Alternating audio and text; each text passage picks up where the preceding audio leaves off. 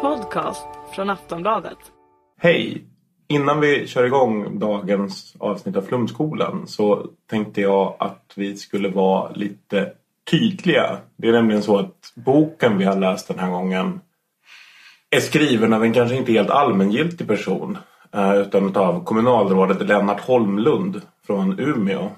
Och, och då inte jättemånga vet vem han är och vi spelade in avsnittet i Umeå inför en publik som bara var Umeåbor och med en panel som bara består av Umeåbor så kanske det blev lite internt. Men det är väldigt, väldigt, väldigt roligt. Så, så, så häng kvar. Men, men innan vi kör igång så tänkte jag bara fråga dig, Kristoffer, som är med i panelen sen. Vem är den här Lennart Holmlund egentligen? Han är ju på något sätt Umeå under större delen av mitt vuxna liv i och med att han har styrt stan med järnhand, både inofficiellt och officiellt. I politiska rum och i bastuklubbar så är det han som har sett till att saker har skett och inte skett i den här stan. Och eh, sen han upptäckte internet för ett par år sedan och fick en egen blogg på Västerbottens-Kuriren, det vill säga Pravda som han själv kallar det. Så eh, har ju han låtit galenskapen löpa fritt rakt ut på hela internet.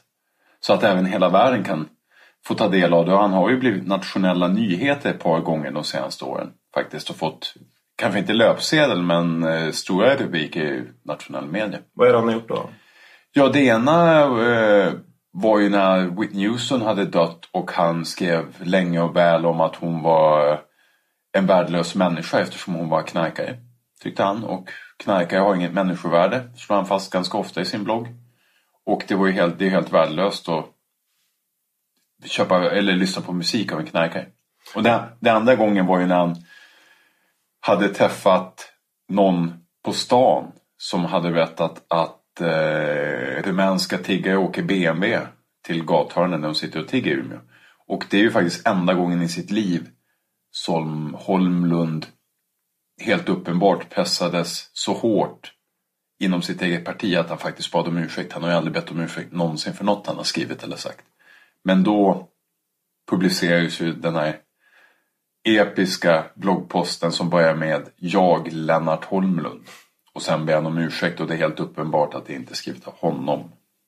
Just ja, han är ju socialdemokrat, det har vi inte nämnt alls. Nej, Nej för jag, jag tänker det. Det är lite intressant det där med, med Lennart Holmlund i Umeå, Imar Reepalu i Malmö och, och Göran Johansson i Göteborg. Att de har liksom alla rest monument efter sig själva och i princip alltså omstrukturerat sina städer fullständigt under sin tid vid makten.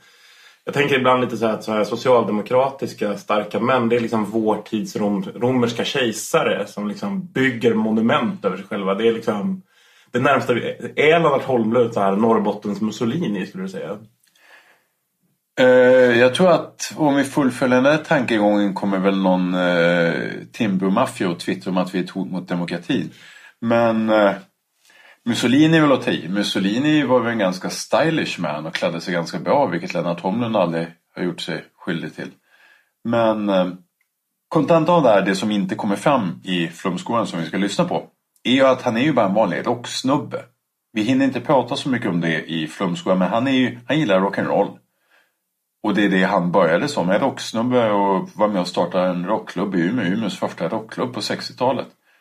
Och sen var han ju tvungen att ge sig in i politiken på grund av att Centerpartiet mer eller mindre tvingade honom till det genom sina lögner då, enligt honom. Så att eh, jag tror aldrig att han växte ur skinnjackan på något sätt. Han är bara någon skinnjackehår, rocksnubbe som blev politiker.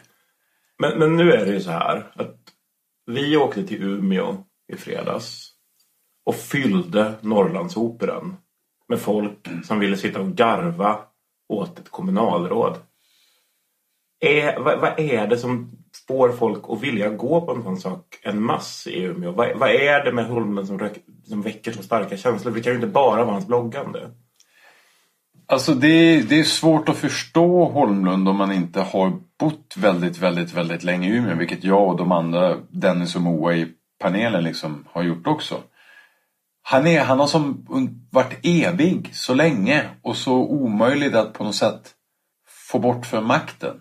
Att det är ju, det är ju ett tragiskt betyg till oppositionen i Umeå. Men så jag antar att då när vi kom dit och läste den här piratkopierade bloggboken som han själv då inte har skrivit ska vi poängtera så att han inte blir arg. Skrivit den har han ju gjort. Ja, han har men skrivit inte den. gjort ut den. Nej, Okej, förlåt. Han har skrivit texterna i den men han har inte gett ut den. Eller godkänt ett utgivande. Så folk har bara längtat efter att få skratta åt honom så fruktansvärt länge. Och det har som inte funnits något tillfälle. Det har som, jag vet inte varför det inte har styrts upp på något sätt. För att det, det kändes ju nästan lite som att vi bedrev någon sorts kommunal exorcism. Han har ju nämligen slutat nu. Det är Ja. bara några veckor sedan. Precis som de andra starka männen så är han borta. Vad tror du kommer efter honom då? Ja, jag vet inte. Förmodligen lycka och välgång för Umeå och dess folk. Och Nej, jag, jag kan, vill inte ens säga om det. Kan det inte bli precis tvärtom? Att, att det har varit rätt bra att ha en så transparent kommunalpolitiker? Ja, det är ju det som är som, han är ju till skillnad från resten av Sverige där alla är mediatränade och fullständigt onåbara för press och folk. Liksom man tar inte emot ett telefonsamtal en gång. Utan passerar massa pressekreterare oavsett vilken nivå du sitter på nästan. Så är det ju såklart jättebra att han är jättetransparent och tar samtal uppenbarligen från precis vem som helst som ringer. Och det är ju berömvärt för demokratin och det är jättebra för en politiker att vara så. Tyvärr så är det ju så att, då att den enda politikern i hela Sverige som jobbar så här är komplett galen. Eh, jag tror att vi kör igång där. Ja. Eh, så nu beger vi oss från min lägenhet i Årsta direkt till Norrlandsoperan i Umeå. Vi kör igång från skolan. Det här är till dig som är lärare. Du är lärare och det är skillnad. Så snacka gärna skit om mig och andra politiker. Och inte om varandra. We don't need no education. Yeah.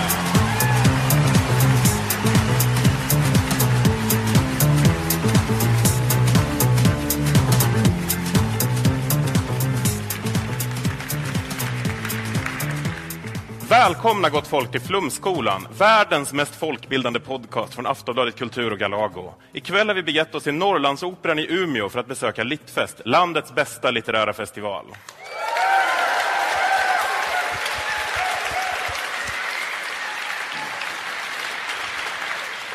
Vi ska inleda det här programmet med att säga att det här med satir kan vara svårt. De senaste veckorna verkar det till och med ha blivit ännu svårare. Och många vill ha en åsikt här. Svenska Dagbladets ledarskribent Sanna Reimann skrev i en ledare tidigare i veckan att Fråga vilken framgångsrik satiriker som helst och du kommer få svaret att god satir alltid vilar på en grund av god kunskap om måltavlan. Men om måltavlan för satir är satiren, var ska vi vända oss då? Vi återvänder till den största källan av kunskap och några av landets allra skarpaste hjärnor, nämligen Twitter. Henrik Johansson från bloggen Inte rasist men twittrar. Jag säger att man inte är särskilt konsekvent i sin handlande. Jag anser personligen att satir ska ha hög verkshöjd. Wikipedia säger oss att verkshöjd betyder att något uppnår en nivå av personligt skapande och är ett juridiskt begrepp som används inom upphovsrätten för att avgöra när en skapare av ett verk med vissa restriktioner har ensamrätt på detta. Om vi ska förstå Henrik rätt så är alltså satir en upphovsrättslig fråga. Coca-Cola är bättre satir än Pepsi. Twittraren som enligt sin bio är före detta norrlänning, socialkonservativ nationalist och politiskt aktiv inom Sverigedemokraterna skriver Satir ska vara roligt, till skillnad från förtal... Punkt, punkt, punkt. Bäst är Sverigedemokrat. Vem har sagt att förtal inte ska vara skoj? Kristoffer Röstlund Jonsson, enligt sin Twitter-bio Ett barns hjärna och en gammal mans hjärta, skriver Jag tycker satir ska vara superelak för att vara kul. Svensk radiohumor är mer som en blöt fis i en kudde. Satir ska ju vara grovt överdriven och grovt förolämpande. Jan Björklund håller med dig. Kristoffer, vi förväntar oss att du är väl påläst, en unik snöflinga och kör utan kudde ikväll. Med de orden känner i alla fall jag mig redo att riva igång dagens bok.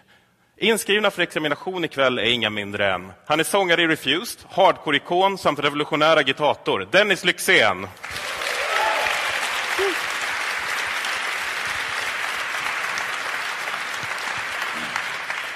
Hon är komikern som hör till Tankesmedjan och just nu aktuell med humorshowen Den inre häxprocessen. Det är Moa Lundqvist.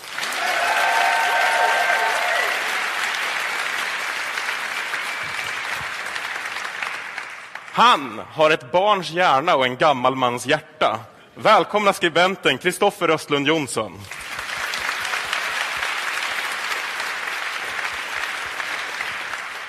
Och examinator samt studierektor för de lärde i Flum är jag, Johannes Klenell.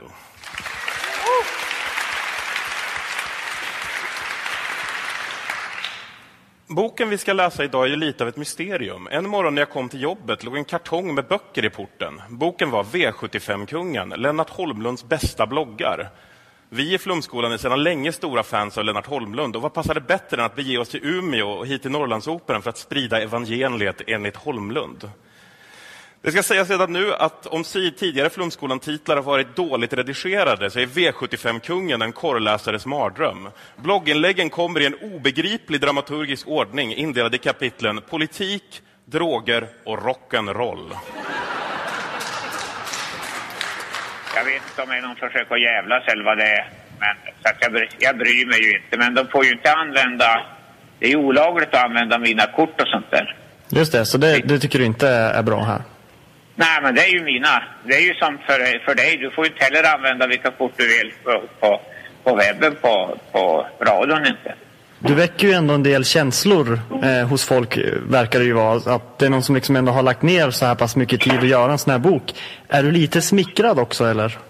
Nej, jag bryr mig inte. Kan, jag har ju inte varit bästa vän med Aftonbladet heller. Inte vissa delar i alla fall. De har ju kört sina kampanjer utan baklig grund mot mig så att jag vet inte vad det där står för. Och bryr mig egentligen inte heller. Så det, det är liksom lite vilket som för dig, kan man säga? Ja, alltså för att eh, alltså mina bloggar de finns ju på VK. Alla som vill läsa den kan ju gå in och de behöver ju inte ha några böcker eller någonting utan det är, det är som sagt var bara att slå upp VK-bloggen och så läsa vad jag har, har skrivit. Det verkar ju som att de har fastnat lite för det här V75. För det är väl så att du heter V75-kungen på Twitter va? Ja. Varför gör du det? Jo, men för att jag är bra på att spela.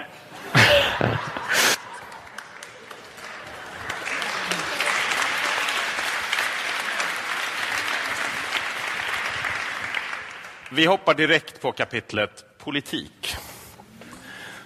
Första inlägget här.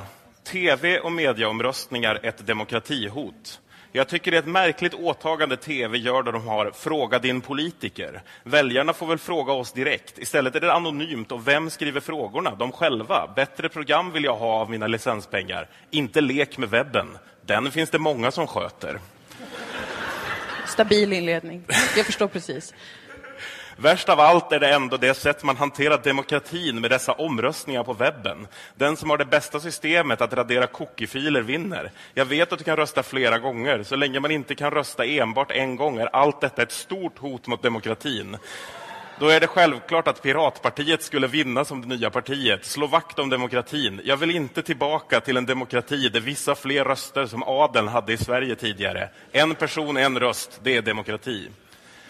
Han drar Ja. ganska stora växlar direkt på en webbomröstning. Jag vill inte vara sån, men jag går in på aftonbladet.se och tar fram första bästa undersökning. På vilket vis är omröstningen Vart åker du helst på sommarsemestern? Ett hot mot demokratin. Dennis Lyxzén. Vi måste också komma ihåg att jag tror att det var Lennart Holm som sa någon gång på tidigt 90-tal att det här med cyberspace är ju bara en fluga. Så att vi kanske inte ska liksom, du vet. Var det han som sa det? Var inte någon... Det var någon, jag någon tror, det låter känd som han politiker? som sa det. Vi kan ge honom cred för det ändå. Ja, vi ger honom cred för det. Jag tycker att, eh, så att jag vet inte om vi, han verkar inte superbra på det här med internet. Men han är ju superbra på att verkligen eh, se saker ur ett större sammanhang. I ett större sammanhang. Han ser ju här att skulle det vara så att vi helt plötsligt lever i en värld där riksdagsval till exempel sker på webben, så är det ju ett hot mot demokratin. Och det För- kommer bli som när adeln hade fler röster. För att då vinner Piratpartiet. Precis, då vinner ju Piratpartiet. Precis när de som när hackar. adeln ja. Precis så. De kommer radera cookies och vad, vad de håller på med Piratpartiet och vips så står vi där. Så att han är ju bra på det. Han Alltså- lyfter frågor. Det är just det som är hans grej, att han ändå placerar allt i ett större sammanhang. Och det kommer Ja. ju tillbaks genom hela boken där också när han mot slutet lyfter fram sin blogg som ändå är ett säkert tecken på att demokrati fungerar. Ja, precis. Vi återkommer till det. Jag håller inte med Dennis. Jag tycker att han är ganska bra på det här med internet. Eh, Vi går över till rubriken V75, marknadshyror och dödsstraff. Det är ett tungt inlägg. Kan det här vara världens bästa rubrik? Man vill veta mer genast. Vi har ett par till rubriker här. Samiskt center i Umeå och avslöja kommunistsekterna. Glad midsommar, regeringen ett hot mot travet, löven ska inte falla. VK, jag är inte i bråk med skribent, men vart är VKs ansvar för det som skrivs? Viktig fråga, publicistisk fråga. Ibland blir man heligt förbannad, och det blev jag.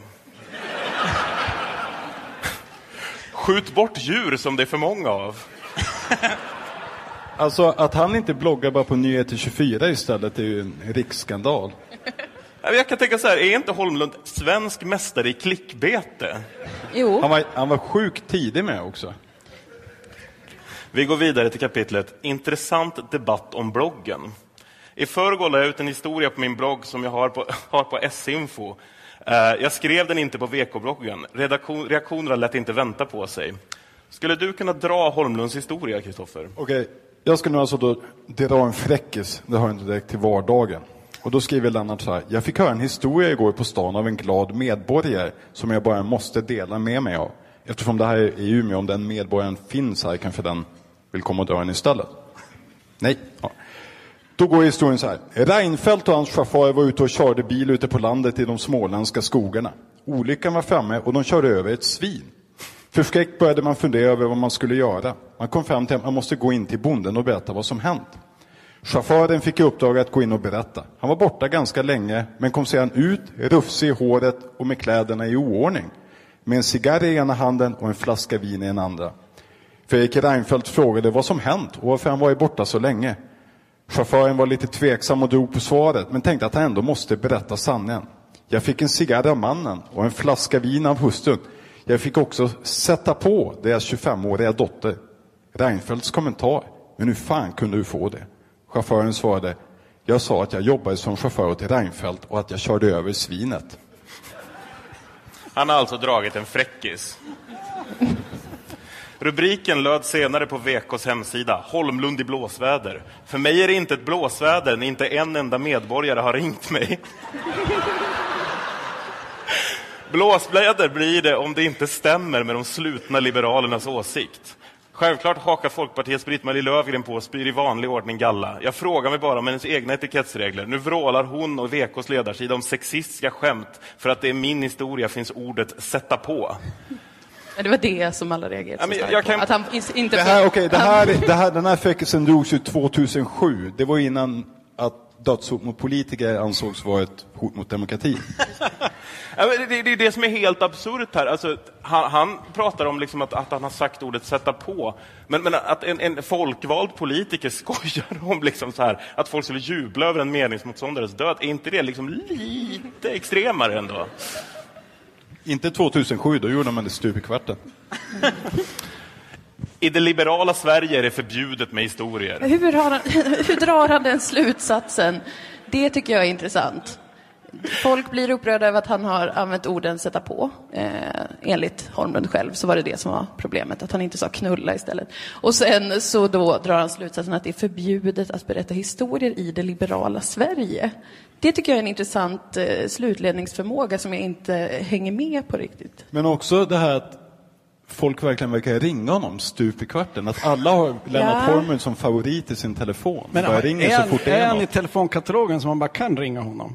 Det är bara att slå på V75-kungen. Är det så?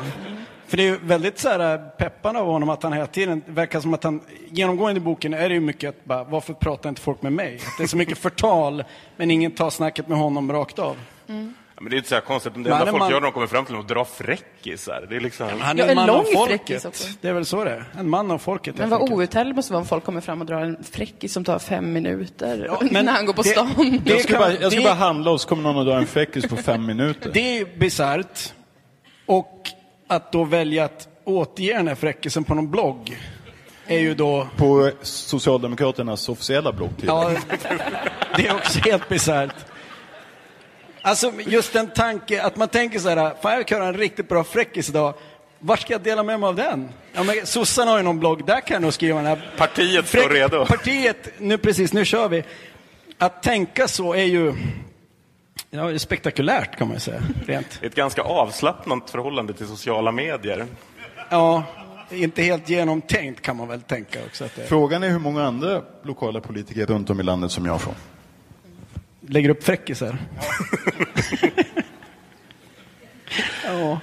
Men som sagt, jag har lyssnat på många historier i mitt liv.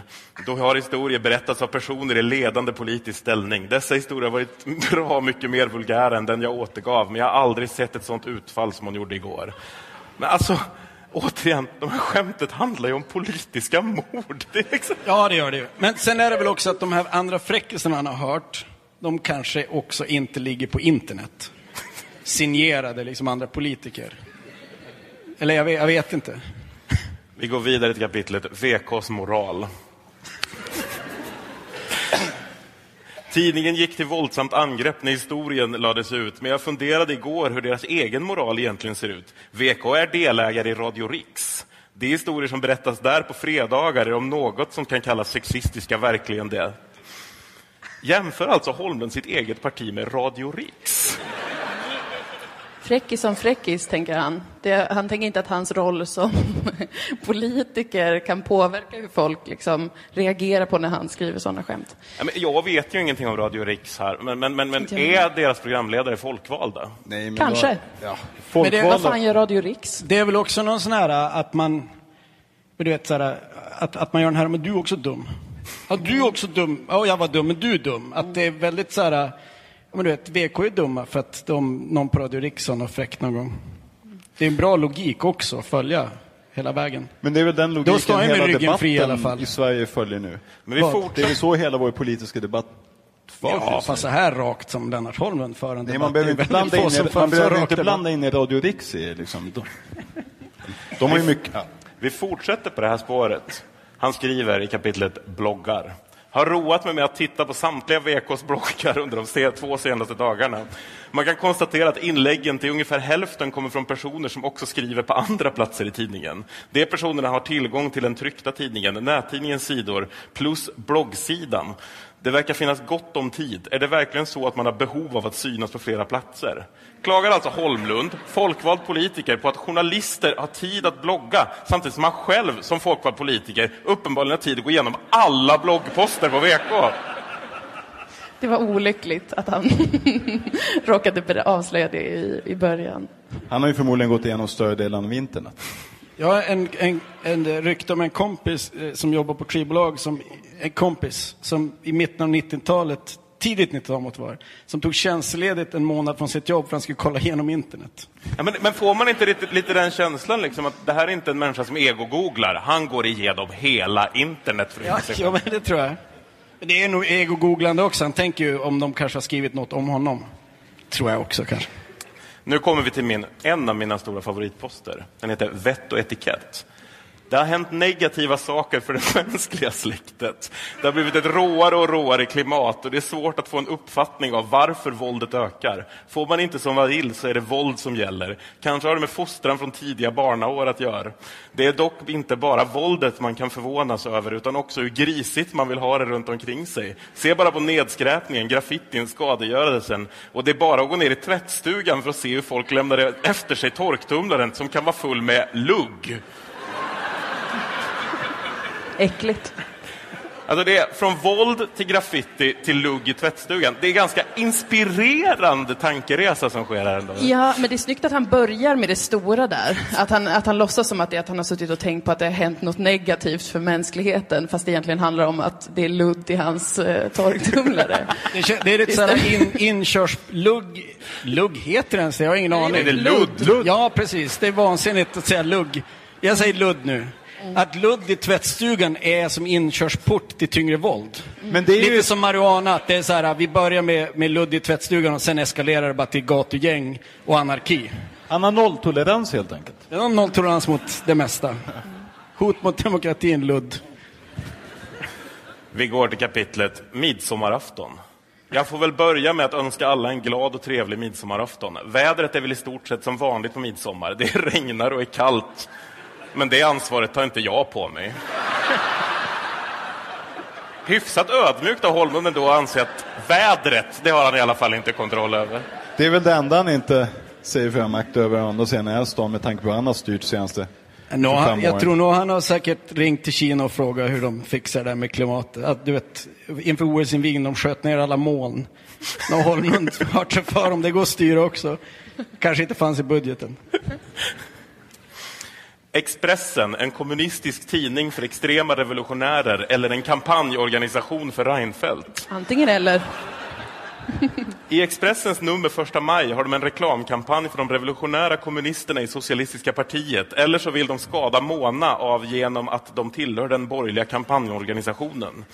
Deras artikel handlar om fackliga protester mot Mona Sahlin. Att de revolutionära kommunisterna, i alla fall de från Umeå, är som uppräknade som, och som alla är från fackklubben på Volvo Umeverken, tillhör Trotskijs vänner och tillhör SP, det socialistiska partiet, är ingen nyhet alls.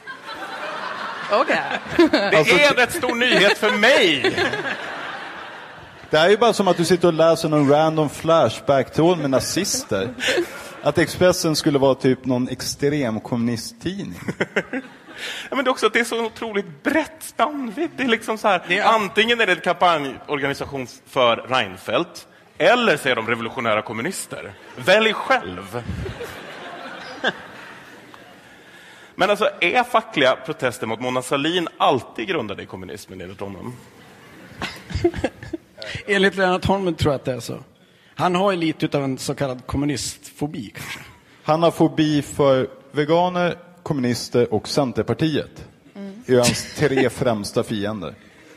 Jag ty- det, det är något blogginlägg från 2007-2008 där han pratar om just att ett, ett stort hot mot demokratin med militanta veganer 15 år för sent. I boken också så går han ju lös om hur dåligt VK har behandlat Gamliavallen och honom under militanta vegandebatten på 90-talet. Så att uppenbarligen, han har ju inte gått vidare, han har inte fått något closure på att VK smädade honom i den militanta vegandebatten 90, 93. Ryan Reynolds here from Mint Mobile. With the price of just about everything going up during inflation, we thought we'd bring our prices down. So to help us, we brought in a reverse auctioneer, which is apparently a thing. Mint Mobile unlimited premium wireless. Ready to get 30, 30, bit to get 30, bit to get 20, 20, 20, bit to get 20, 20, bit to get 15, 15, 15, 15 just 15 bucks a month. So, Give it a try at mintmobile.com slash switch. $45 upfront for three months plus taxes and fees. Promo rate for new customers for limited time. Unlimited more than 40 gigabytes per month. Slows. Full terms at mintmobile.com.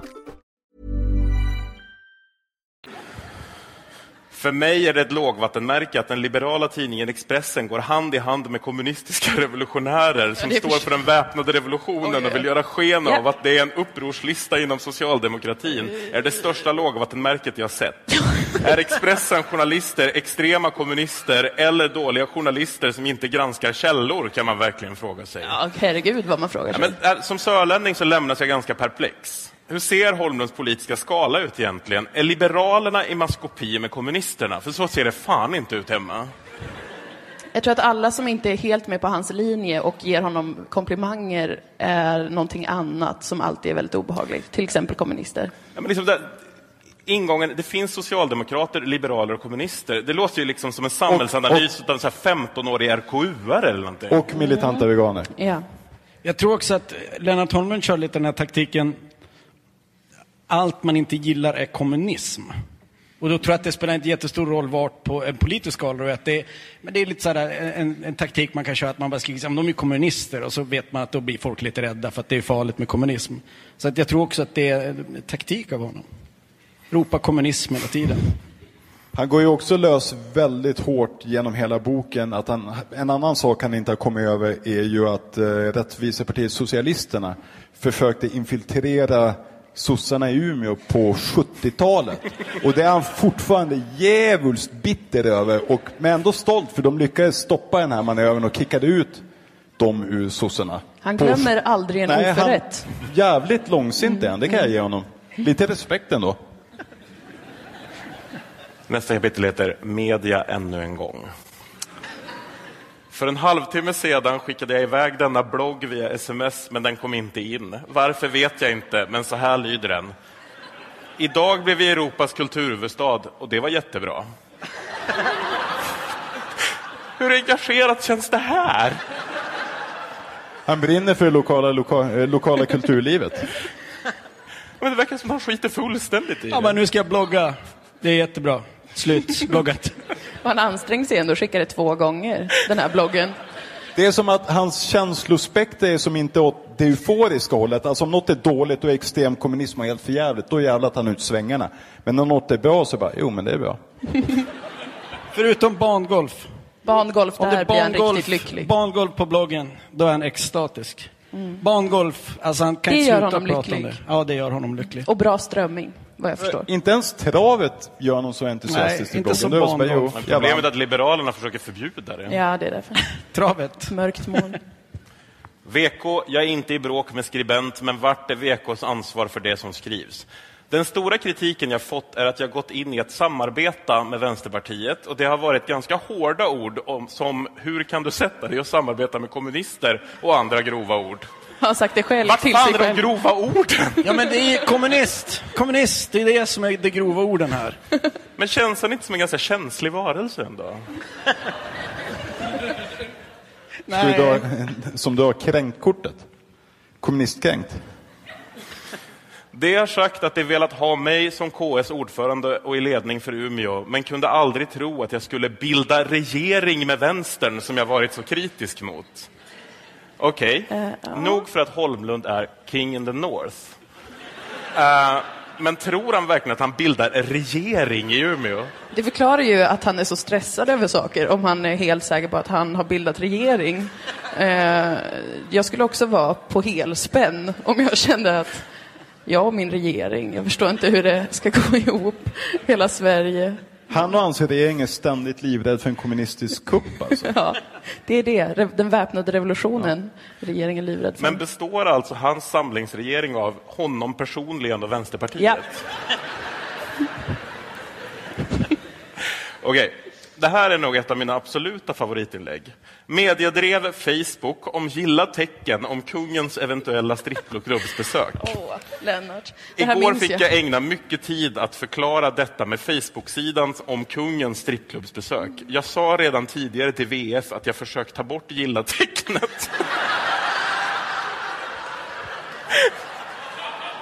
Men att det inte gick. Upplever ni Holmlund som en teknisk kille?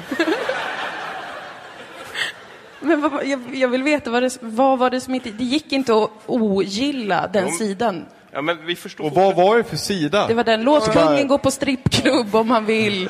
Vi supportar kungens kaffeflickor. Var det den gruppen han råkade gilla? Ja, den, den gillade han och sen gick det inte att ta bort gilla. What? Jag förstår däremot inte vad som ligger bakom den typ av förföljelsekampanjer som en del kör gentemot mig. Är det tacken för att jag alltid ringer upp när de sökt den får man väl sluta med det. Så att man kan alltid ringa Lennart Holmlund helt Han ringer enkelt. upp en och Men så är han varför ledsen. slutar han inte ringa upp? Han bara, jag är så förföljd, jag ska, slå, jag ska ringa upp. Ändå så måste man ge, man tar ju ändå sitt politiska uppdrag på fulla stall och han är tillgänglig för folket och media. Det är ändå ganska sällsynt nu för tiden. Men Sen det går det ju- inte så bra i slutändan, men det är ju en annan femma. Men det är ju helt orimligt att ringa upp journalister vid varje enskild händelse, varje dag. Vi bor ju i Umeå. I och för sig sant. Men tänker han att de inte skulle skriva om det här med hans Facebook-gillande ifall han slutar ringa upp dem? Jag I hans också- värld så är det liksom Han vill väl bara det. förklara hur det ligger till. Gilla-tecknet försvann inte, fattar Oj. ni? Jag tänker också den grävande journalistiken då någon har gått in och bara, har ni sett vad Lennart Holmlund har Jo, gillat men alltså, på Facebook? du sa ju andra sidan just vi bor ju i Umeå. Så Ja, att det det. Ja, Man får ju känslan av att han ringer VK istället för supporten. Det är liksom... Jag råkade trycka på gilla på den här gruppen, nu är det ett jävla liv. Förlåt, bara- VK, vad ska jag göra? han kan väl inte ringa Facebook direkt, så ringer en VK. Att sedan börja agera mot Facebook tror jag däremot är meningslöst. Jag vet också att det finns personer som det är öppnat konto för, men där har det inte varit den personen. Det vet jag, för jag har pratat med dem och frågat Margot Wallström är en sådan person, där det stått att det varit hon, men som varit en falsk Margot. Jag vet många fler. Lömska, lömska Facebook. Så det är en sak för Facebook att ordna. Alltså jag är så sjukt nyfiken på den falska Margot. Ja, vem är... Och fler. Det är inte bara falska Margot, Nej. det är ett helt gäng som personer som inte är de personerna som han har pratat med. Men är han vän med dem på Facebook? Ja, falska Margot. Han vet väl inte hur de ska unfrienda fa- falska Margot? Du bara ringa VK. Jag är inte död, utan lever bara bra. Jag är inte död, utan lever bara bra. När jag slog upp VK den 25 och läser ett svar från mina kollegor i partigruppens styrelse på en insändare av Anders Sjölund där han funderar över hur det blir när jag slutar. När det stod vi ska fortsätta i Holmlunds anda trodde jag att jag var död, haha. Så till att de ska fortsätta i Holmlunds anda. Det är inte min anda, utan vår, som jag har varit med och skapat, som går ut på att inte lägga sig i andras ansvar. Men jag är inte död. Det där är ju då inte jag som har lagt ut den, utan jag har ju min egen blogg. Det är väl någon som, eh, som vill jäklas då på, på något sätt. Jag är ju inte förvånad. Det finns ju dårar i vårt samhälle, det vet jag. Och så sen är då, tycker jag då det, det är oerhört dåligt ansvar av ansvarig utgivare på en tidning när man tar in en blogg som inte är min. Det borde, man borde ju alltid kolla upp vem som lägger ut en blogg. Det tycker jag är det minsta man kan begära. Bloggen är lik kommunalrådets egen blogg med både presentationsbild och en beskrivning av honom. Men texten under rubriken Socialdemokraterna i Umeå is fucking dead har alltså inte skrivits av Holmlund själv. Kort Alltså är Holmlunds anda att det händer konstiga saker nästan jämt?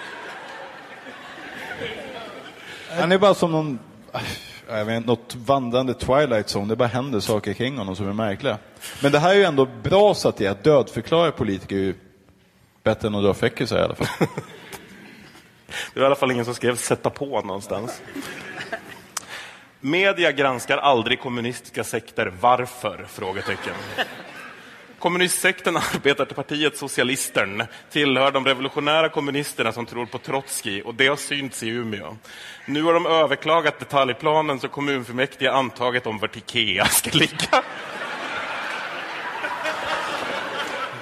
Alltså så här, glöm Stalins Sovjet. Nu börjar vi prata om kommunismens verkliga brott. Men Detaljplanen för Ikea. Ja, men i, i Holmlunds värld så vill väl kommunisterna inte ha ett Ikea där. De vill väl anlägga ett Gulag helt enkelt. Det är väl det han är rädd för.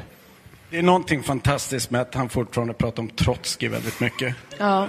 Att det måste ju ha satt så djupa spår. För Trotskij var ju som känd för att de skulle infiltrera politiska partier och så vrida fokus. Att han fortfarande liksom bara ska nämna, jag menar, det är jättefå politiker i något som helst politiskt spektrum som pratar om Trotskij. Men alltså det är på hans blogg tio gånger nämner han Trotskij. Det är fascinerande. Allt de gör har ett enda syfte, den kommunistiska revolutionen i Sverige. Däremot vill de inte ha Ikea och det kan jag väl acceptera, men säg inte något annat. Allt de gör, tänk på det, allt de gör. Det är väl ändå ganska stort av Holmlund att förlåta dem för det här med Ikea ändå. Ja. Fast det blir ju, om han säger ändå att allt de gör är för att de ska ta väpnad revolution, så måste det där Ikea liksom... Jag skulle ju hellre ta en väpnad revolution än i ett Ikea i Umeå. Är du vår infiltratör ikväll?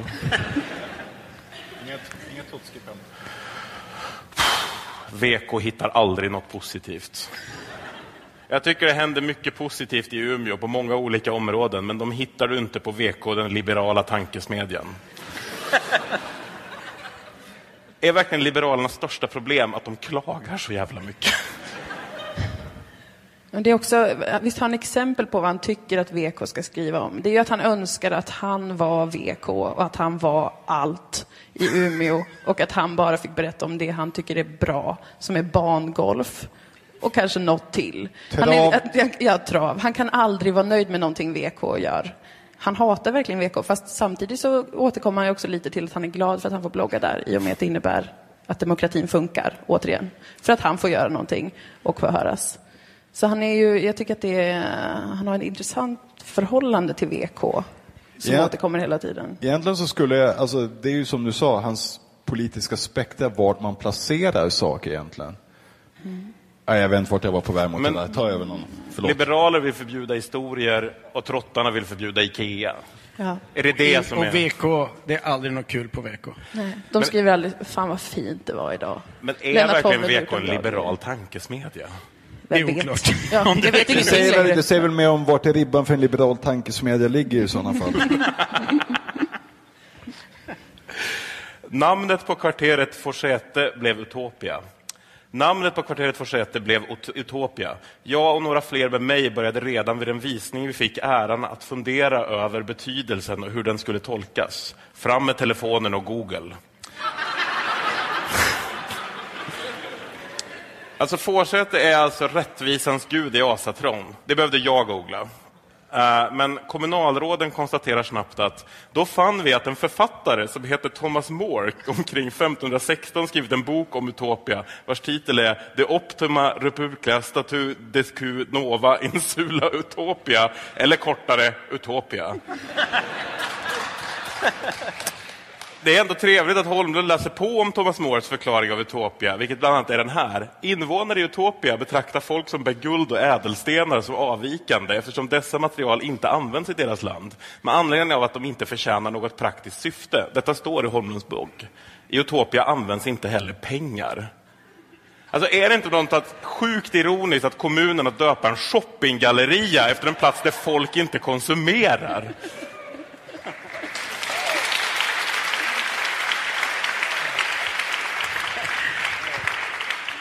Det är också väldigt intressant att han är helt nöjd med det faktum att en författare, Thomas More, alltså en av kommunismens fäder, är den som har döpt den här jävla gallerian.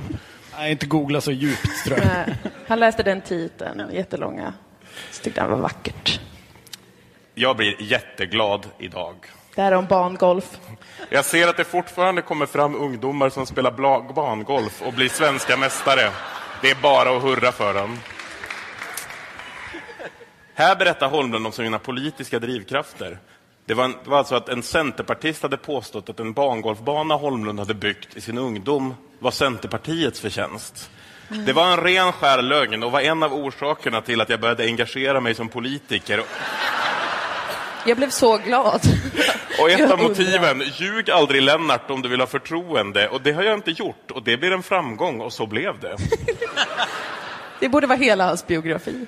Men alltså, hans politiska motiv är att han aldrig ska ljuga. Men var han tvungen att bli politiker för det? Nej, alltså Umeå hade mått bättre av om man bara hade fortsatt spela bangolf och ljuga än att bli Det var, en, politiker. det var en viktig fråga.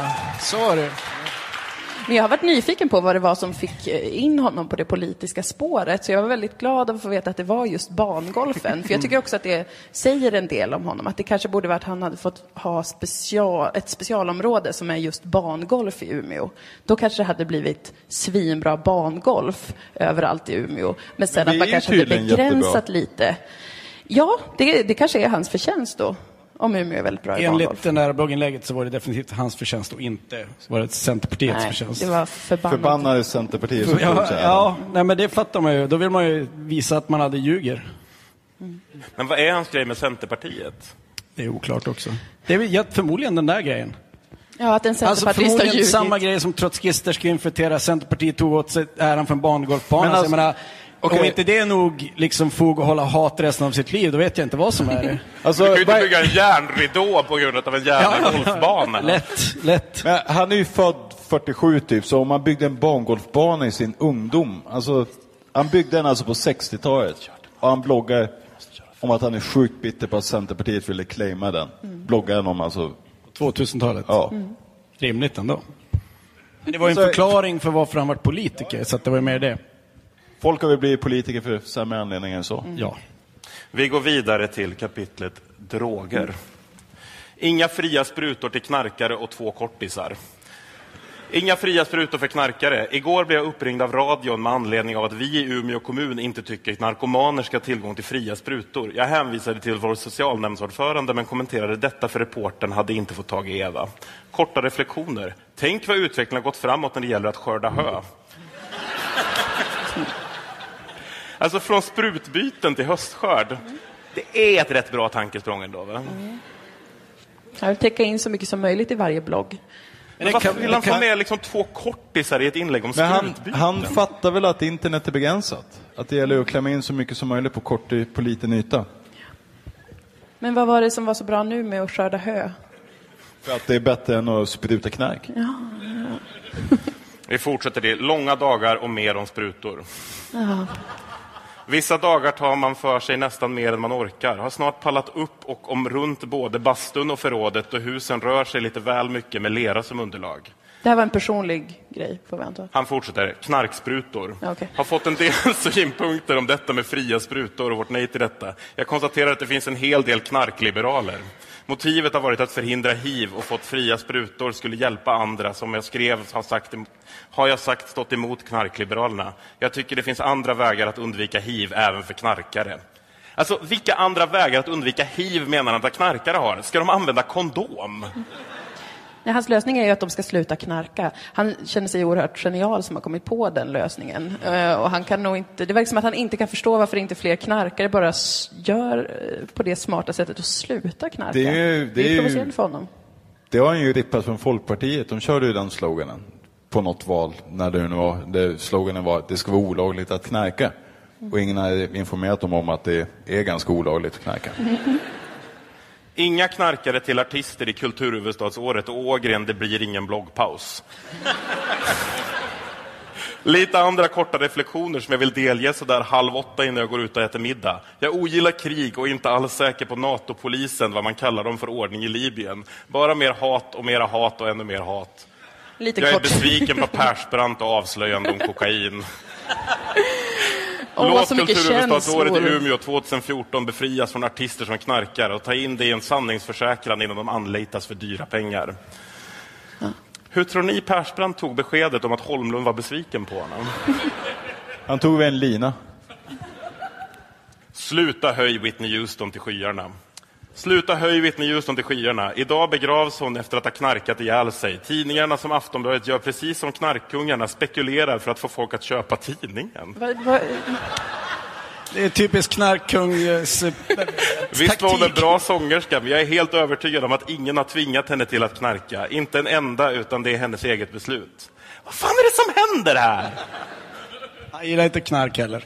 Men vad är det knarkungarna spekulerar i? Tidningsförsäljning? Nej, knarkkungarna använder det. Spekulation för att sälja det. tidningar. Men vad har han emot Whitney Houston? Men, Knarkar. ja, och varför kände han att det var så viktigt precis när hon hade gått bort att skriva det här blogginlägget? Det tycker jag är Han ville markera att det ska vara olagligt att knarka. Ja, men och att han återigen bara liksom, varför förstod hon inte det här? Varför kunde ingen höra på hans bra förslag att sluta knarka innan man dör av knarket?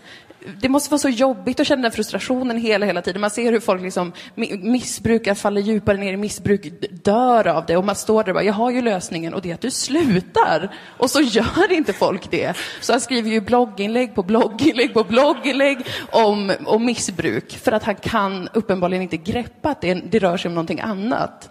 Han kan inte förstå att det kanske inte bara är att sluta. Så att han kan verkligen heller aldrig, han kan aldrig sluta skriva om missbruk. Man säger till honom, Lennart, sluta skriva om missbrukare. Men han kan inte. Media bör ta sitt ansvar.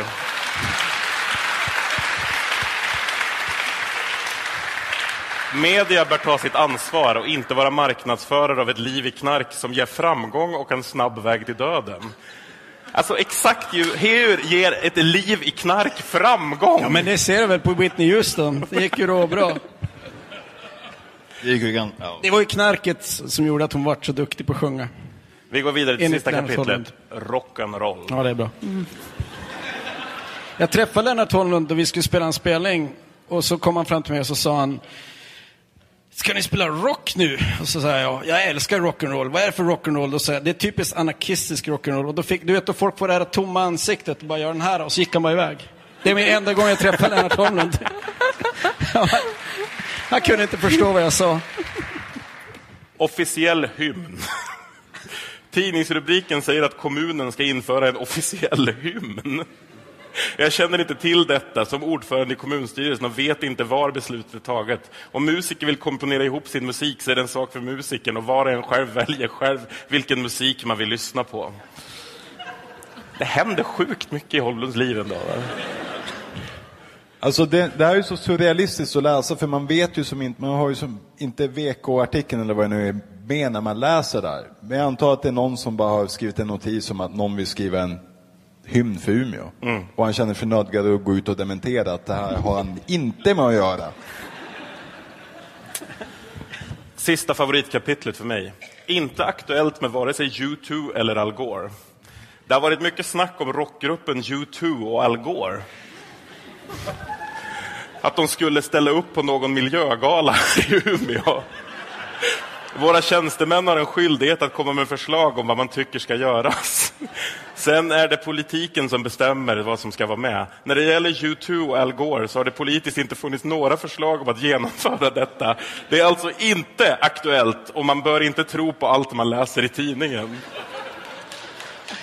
Hur tror ni Bono reagerade på beskedet att Holmlund inte såg det som aktuellt att de skulle få besöka Umeå? Som Persbrandt kanske. Djupt besviken. Men liksom dementerar den här karln precis allt offentligt? Jag tror att det är lite som att eh, det känns väldigt mycket som att då Lennart Holmen bloggar. Så här, du vet, som man har kompisar som inte riktigt tänker sig för före de öppnar käften. Och att det känns väldigt mycket som Lennart Holmens bloggarna, att han, det är inte jättemycket betänketid före han sätter igång. Men det är inte så mycket betänketid för en tjänsteman som lobbar förslag att ta hit U2 heller. Ja, nej, det är sant. Men det är också att det är politiken som skulle ha tagit hit U2 om det vart så. Ja, Det tycker jag är stort ändå. om de hade kommit så hade det varit tack vare Lennart. Tack vare och ingen politiken. annan jävel. Nej.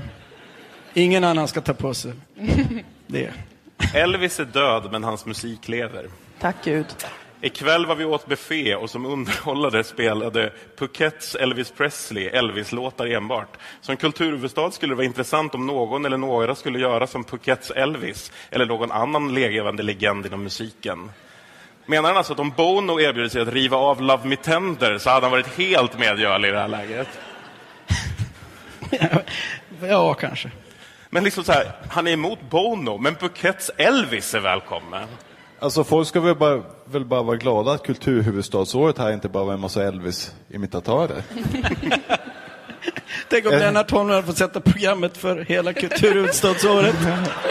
Hela väven hade bara blivit ett enda stort Elvis-imitationscentrum. Elvis med symfoniorkestern på Norrlandsoperan. Sista citatet. Umegalan ur medias synvinkel. Det här är alltså när Holmlund slutar som politiker. Rocken är en riktig kulturgärning över hela världen och möttes med lagar och regler, inte minst i USA, men som flest människor i världen lyssnat på är härligt att lyssna på. Det, har för mig en, det var för mig äkta hyllning och ett tack för det jag gjort för riktiga musikälskare ett äkta tack. Jag kände även värme över den rap som Staffan Ling framförde och som jag tror kom från hjärtat.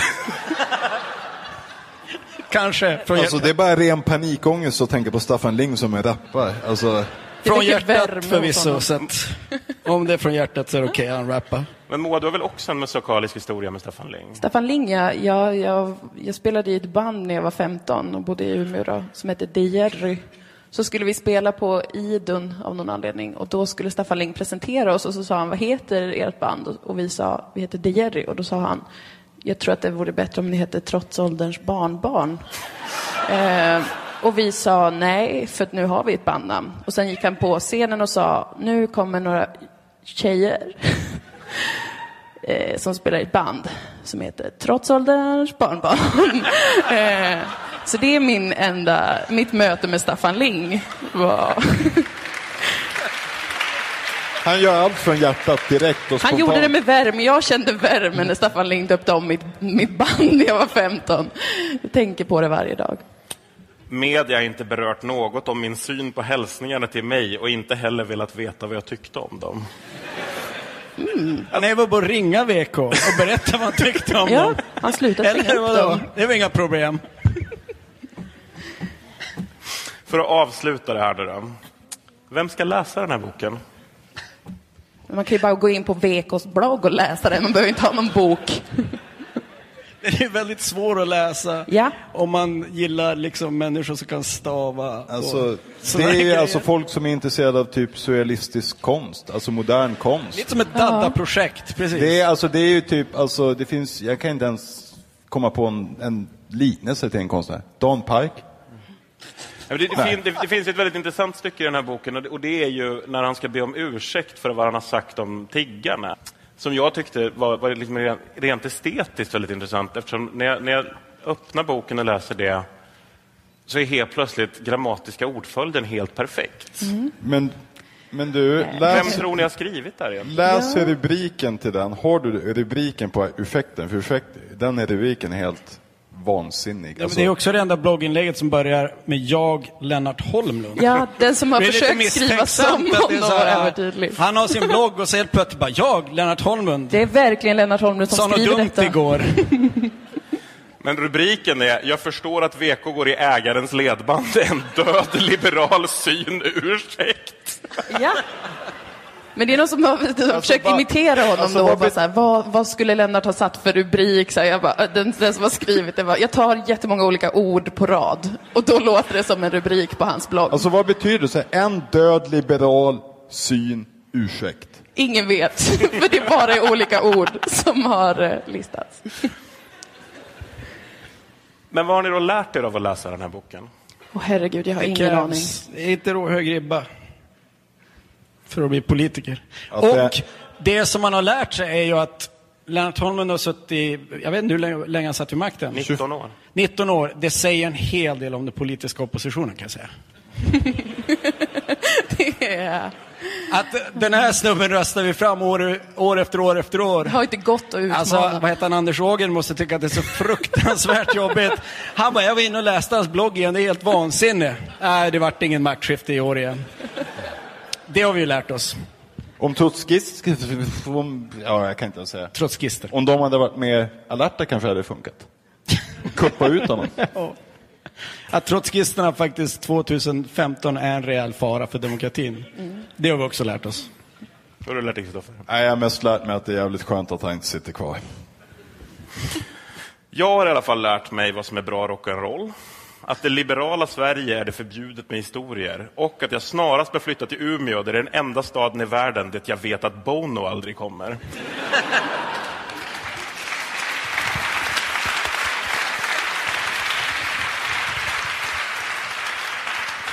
Eller, som Lennart Holmlund kanske skulle säga, Ja, vi ska väl prova här så att man inte får för mycket grädde runt käften där man ska. Med de orden vill jag tacka Moa Lundqvist, Dennis Lyxzén, Kristoffer Östlund Jonsson. Flumskolan är slut för idag. Ett stort tack till er i publiken.